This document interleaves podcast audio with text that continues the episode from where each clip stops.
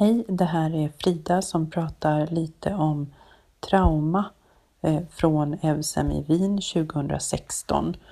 Eh, några korta nedslag bara. Först om eh, thoraxtrauma. Och därefter kommer jag prata lite om, väldigt kort om transfusion. Vad det gäller thoraxtrauma har man i USA noterat att väldigt många patienter genomgår både en lungröntgen och därefter en CT av thorax. Och för att minska detta så försöker man utarbeta eh, algoritmer och man har helt enkelt gjort ett Chest Nexus som finns bland annat på Medcalc.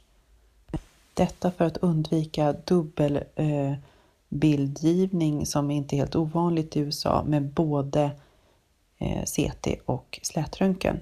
Vi eh, har ju sällan det att vi gör dubbel röntgen. Däremot kan det här vara ett instrument för att selektera kanske bättre vilken typ av radiologi vi behöver göra. Eller om vi kan avstå röntgen helt och hållet hos vissa patientgrupper. Det som också poängterades var att platsen för dekompression av eh, övertryckspneumotorax alltså flyttar från eh, midklavikulärt I2 till eh, främre axialarlinjen, femte interkostalrummet.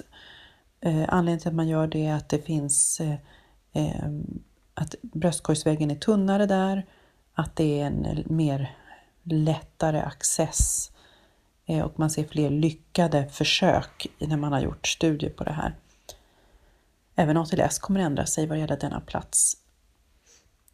Är man väldigt snabb och flink så är det alltid bättre att göra ett hål in i thorax, eh, men det är nog inte vi så snabba på. Det som också var lite intressant är att vid eh, hemotorax kan man faktiskt använda sig av pigtail-drän i större utsträckning än man gjort tidigare, som då har en mindre diameter än de thoraxdrän vi brukar sätta. Ultraljud eh, i, som hjälp i beslutet om man ska göra en torakotomi. Eh, där finns det faktiskt en plats, för finns det hjärtrörlighet så finns det indikation för att göra eh, torakotomi. Men eh, saknas hjärtrörlighet så är det väldigt låg sannolikhet att patienten kan återfå liv eller att patienten ens blir donator. För det man eh, överlag pratar mycket om är att den här patientgruppen kan bli donatorer och det är ju för sjukvården minst lika viktigt som att patienten överlever. Ja, så är det med det.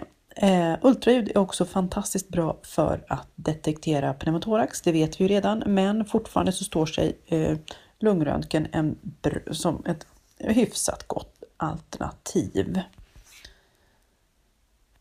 Vad det gäller transfusion och vätskebehandling vid trauma så var det framförallt en mycket långtgående kritik av kristalloiderna och det här är ju inte någonting nytt för oss. Men dels är det för varje milliliter kristalloid en patient får i sig så ökar mortalitetsrisken. Och dessutom så har ju eh, så här, användningen av kristalloider eh, gått från någon slags medicinsk möjlig indikation till att det är ett systemproblem där de finns överallt och där de ges allt ifrån prehospitalt till intrahospitalt eh, och, och, och även uppe längre in i vårdkedjan än vad akuten befinner sig. Det man förespråkade på den här föreläsningen var helblod som den ultimata transfusionslösningen. Helt enkelt av den anledningen att där finns ju alla komponenter patienten behöver och dessutom är det säkrare för att det är färre komponenter att hänga på patienten och patienten möter färre donatorer.